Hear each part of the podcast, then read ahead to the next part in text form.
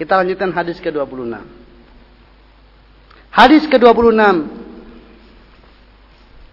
An Abi Hurairah radhiyallahu an qala qala Rasulullah sallallahu alaihi wasallam Kullu sulama minan nas alaihi sadaqah Dari Abu Hurairah semoga Allah meridhoinya. Beliau berkata Rasulullah sallallahu alaihi wasallam telah bersabda, setiap persendian atau setiap tulang, karena ulama bersih pendapat tentang sulam, apakah persendian atau tulang. Walaupun hakikat perbedaan itu sama. Karena setiap tulang dipisahkan dengan persendian. Jadi tidak memberikan dampak berarti perbedaan tersebut. Ya, setiap persendian atau setiap tulang manusia ada padanya kewajiban sodakoh. Sodakoh dalam makna yang mana? Yang luas tadi. Ya. Kullu yaumin tatlu fi syams. Setiap hari di mana terbit padanya matahari dan dia masih hidup. Sebab kalau dia sudah mati, bukan tidak ada kewajiban lagi, tidak ada taklif. Jadi setiap hari tatkala dia masih merasakan hidup, maka ada padanya kewajiban untuk menunaikan sodakoh dari setiap ruas dari tulangnya tersebut. Yang berjumlah berapa?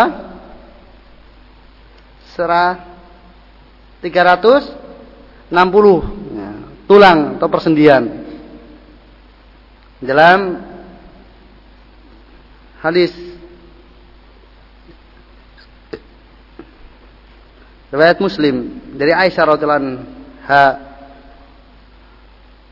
itu disampaikan oleh Nabi sallallahu alaihi wasallam sebelum majunya ilmu kedokteran. Dan kata dokter juga demikian memang. Setelah diteliti tulang apa persendian itu ada 360. Karena berita langit mesti sesuai dengan wakil. Walaupun sebelum diteliti sudah harus diimani.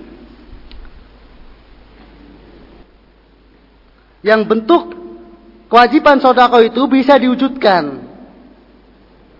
Jadi ada masing-masing persendian tadi setiap harinya wajib disodakoi sebagai bentuk syukur.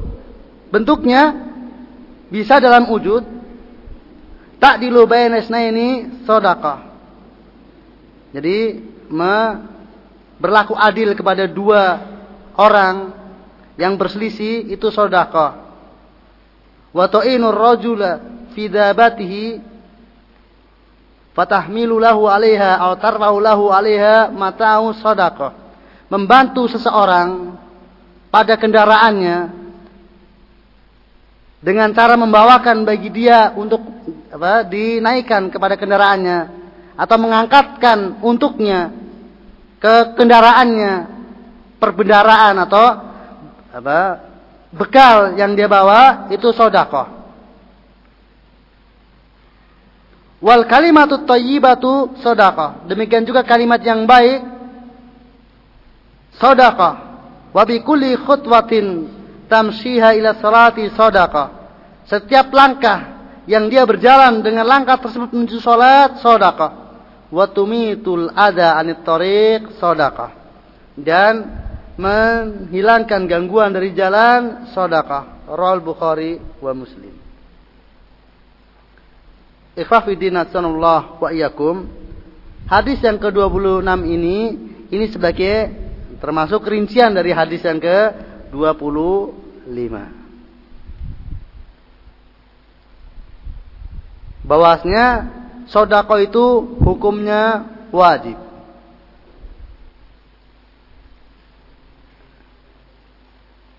Yang bagaimana hukum sodako yang wajib? Karena hukum sodako itu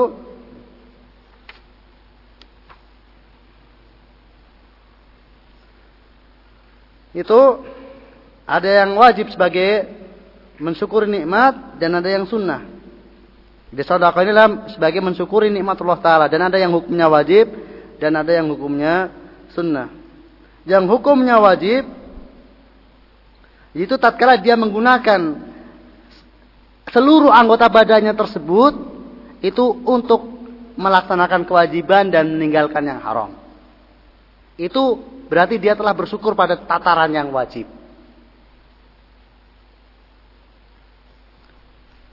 Jadi kalau seorang tidak pernah menggunakan anggota badannya, persendian atau tulang belulang dari anggota badannya untuk perkara yang haram. Dan setiap ada kewajiban yang harus ditunaikan oleh persendiannya, dia tunaikan, maka dia telah menunaikan syukur yang wajib. Dan dia telah bersodakoh terhadap terhadap seluruh terhadap apa? Untuk masing-masing tulang belulangnya tersebut itu secara utuh sudah. Dia sempurna dalam menjalankan kewajiban sodako yang wajib. Dan selebihnya itu maka sunnah.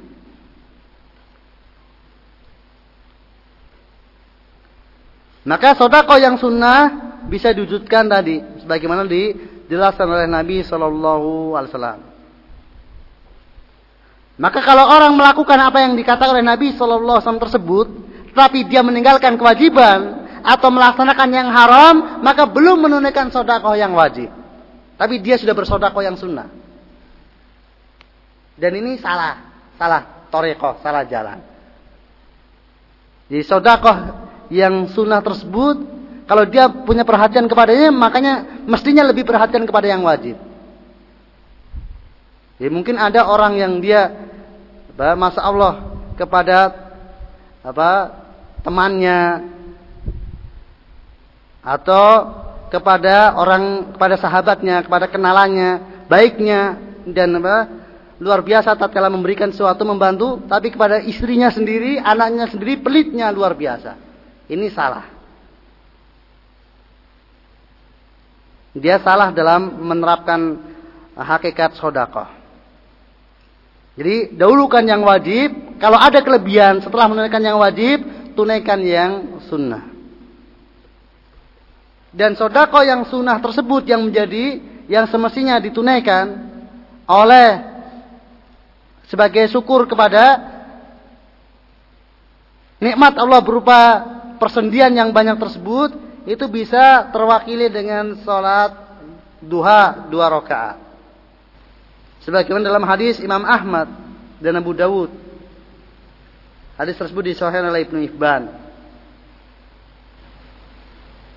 Jadi kalau orang tidak bisa menunaikan untuk menunaikan yang sunnah dari sodako tersebut, maka bisa terwakili dengan dua rakaat duha. Fa'ilam tajid farok ata al-duha tudziuka. Kalau kamu tidak dapatkan untuk bersodako itu semuanya tadi, maka dua rakaat duha itu sudah mencukupi.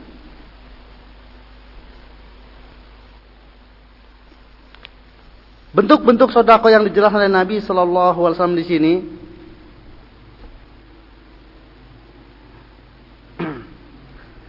yaitu berbuat adil di antara dua orang. Maksudnya ada dua orang yang berselisih dan adil di sini tidak mesti damai. Ya. Artinya eh, sudah pokoknya apa bebas-bebasan ya. Yang menuduh tidak usah menuduh, yang dituduh sudah tidak. Ya adil ya yang memang kalau yang salah ya harus salahkan dan kalau harus mengembalikan yang diambil ya harus dikembalikan. Itu namanya apa? Mendamaikan atau adil dalam menghukum. Jadi tidak mesti apa? Kemudian balas, artinya sudah apa? Dianggap selesai, bukan. Kalau dianggap selesai dengan yang satu menderita, maka itu tidak adil.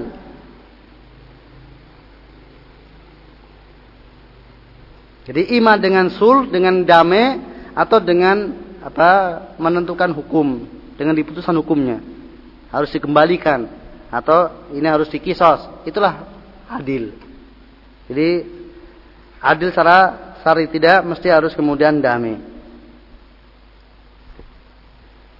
kemudian membantu saudaranya membantu seorang tentang kendaraannya ini eh, salah satu bentuknya ya bisa membantu dalam urusan apa saja di sini dikhususkan kendaraan tidak berarti bahasnya tidak termasuk yang lainnya. Ini belum menyebutkan contoh-contohnya, bukan menyebutkan semua bentuk sodako, tapi di antara bentuk-bentuk sodako. Coba perhatikan ya, betapa kadang kita lalai terhadap jalan-jalan kebaikan. Maka Nabi berusaha untuk jangan merendahkan suatu kebaikan. Sekecil apa pun kebaikan tersebut. Walau kemudian kamu hanya sekedar bermuka, berwajah berseri tatkala berjumpa. Itu sudah sodako. Itu sudah ma'ruf. Jadi jangan sampai kita menganggap apa, sepele suatu kebaikan. Sesepele apa pun sebuah kebaikan, maka lakukan kalau kita bisa melakukannya. Jangan pelit untuk melakukan kebaikan. Karena itulah sebagai tabungan pahala bagi kita. Kemudian kalimat toyibah, ya, maknanya sangat luas dan insya Allah akan kita bahas pada makna toyib dalam hadis Inna Allah toyib layak balu illa toyibah. Kemudian melangkahkan kaki ke menuju sholat ini setiap langkahnya dihitung sebagai sodako. Artinya berpahala dengan setiap langkah kita. Maka semakin jauh keberadaan tinggal kita dari sholat, dari masjid yang ditegakkan padanya jamaah, semakin tabungan pahalanya semakin besar kalau kemudian istiqomah dalam berjamaah. Tapi yang rumahnya lebih dekat, lebih berpahala dibandingkan rumah yang jauh. Kalau yang jauh tidak berjamaah, yang dekat berjamaah. Jadi di sini dalam artian sama-sama sholat berjamaah.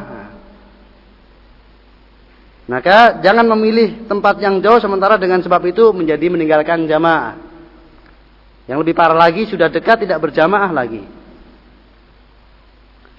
Kemudian menyingkirkan gangguan dari jalan. Ini gangguan apa saja? Gangguan yang sifatnya melukai fisik maupun yang sifatnya melukai perasaan. Artinya merusak perasaan, bau busuk. Jelas ada sesuatu yang bau busuk di jalan, singkirkan. Sesuatu yang bisa melukai seperti duri atau kemudian batu dan lain sebagainya. Maka semuanya kalau kemudian dia singkirkan itu sedekah. Ini juga kembali kepada kaidah innamal a'malu binniyat kalau semuanya itu dilakukan dengan niat untuk mendapatkan pahala maka mendapatkan pahala namun kalau dilakukan karena secara kebetulan atau kemudian apa apalagi riaan dan lain sebagainya yang bukan niatan karena Allah Taala maka ya tidak mendapatkan pahala. Jadi semua amalan yang dijanjikan pahala itu tentunya apabila dengan niat. Nah demikian ikhwah fiddin asanullah wa iyyakum selesai dua hadis pada siang hari ini dan mudah-mudahan jelas maknanya bagi kita semuanya Terbuka bagi kita luasnya jalan-jalan sodakoh. Luasnya jalan-jalan kebaikan. Maka apa pun status kita, di mana pun keberadaan kita, bagaimanapun kondisi kita, jalan meraih pahala terbentang luas. Jadi jangan pernah merasa sempit untuk bisa meraih pahala. Nampaknya merasa sempit kalau tidak banyak harta, Merasa tidak banyak bisa meraih pahala yang banyak. Merasa sempit untuk mendapatkan pahala kalau bukan seorang ustadz misalnya. Semua apa pun status kita, di mana pun keberadaan kita, bagaimanapun kedudukan kita, jalan mendapatkan pahala terbentang luas. Allah begitu luasnya membuka jalan-jalan pahala bagi kita semuanya. Tinggal permasalahannya, maukah kita meraih berbagai macam jalan yang mengantarkan mendapatkan pahala atau tidak. Mudah-mudahan pertemuan kita pada siang hari ini ada manfaatnya bagi kita semuanya dan sekali lagi bahwa prinsip utama kita mempelajari ilmu agama kita adalah untuk menghilangkan kebodohan dari kita untuk kemudian mengamalkannya dan untuk kemudian menyampaikannya kepada yang belum mengetahuinya. Itulah hakikat ilmu yang akan bermanfaat.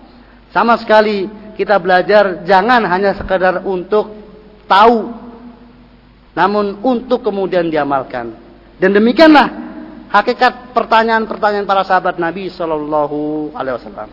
Mereka tafakuh karena mereka ingin mengamalkan setelah mereka mengetahuinya. Subhanakallahumma bihamdika asyhadu an la ilaha anta astaghfiruka wa atubu ilaik. Assalamualaikum warahmatullahi wabarakatuh.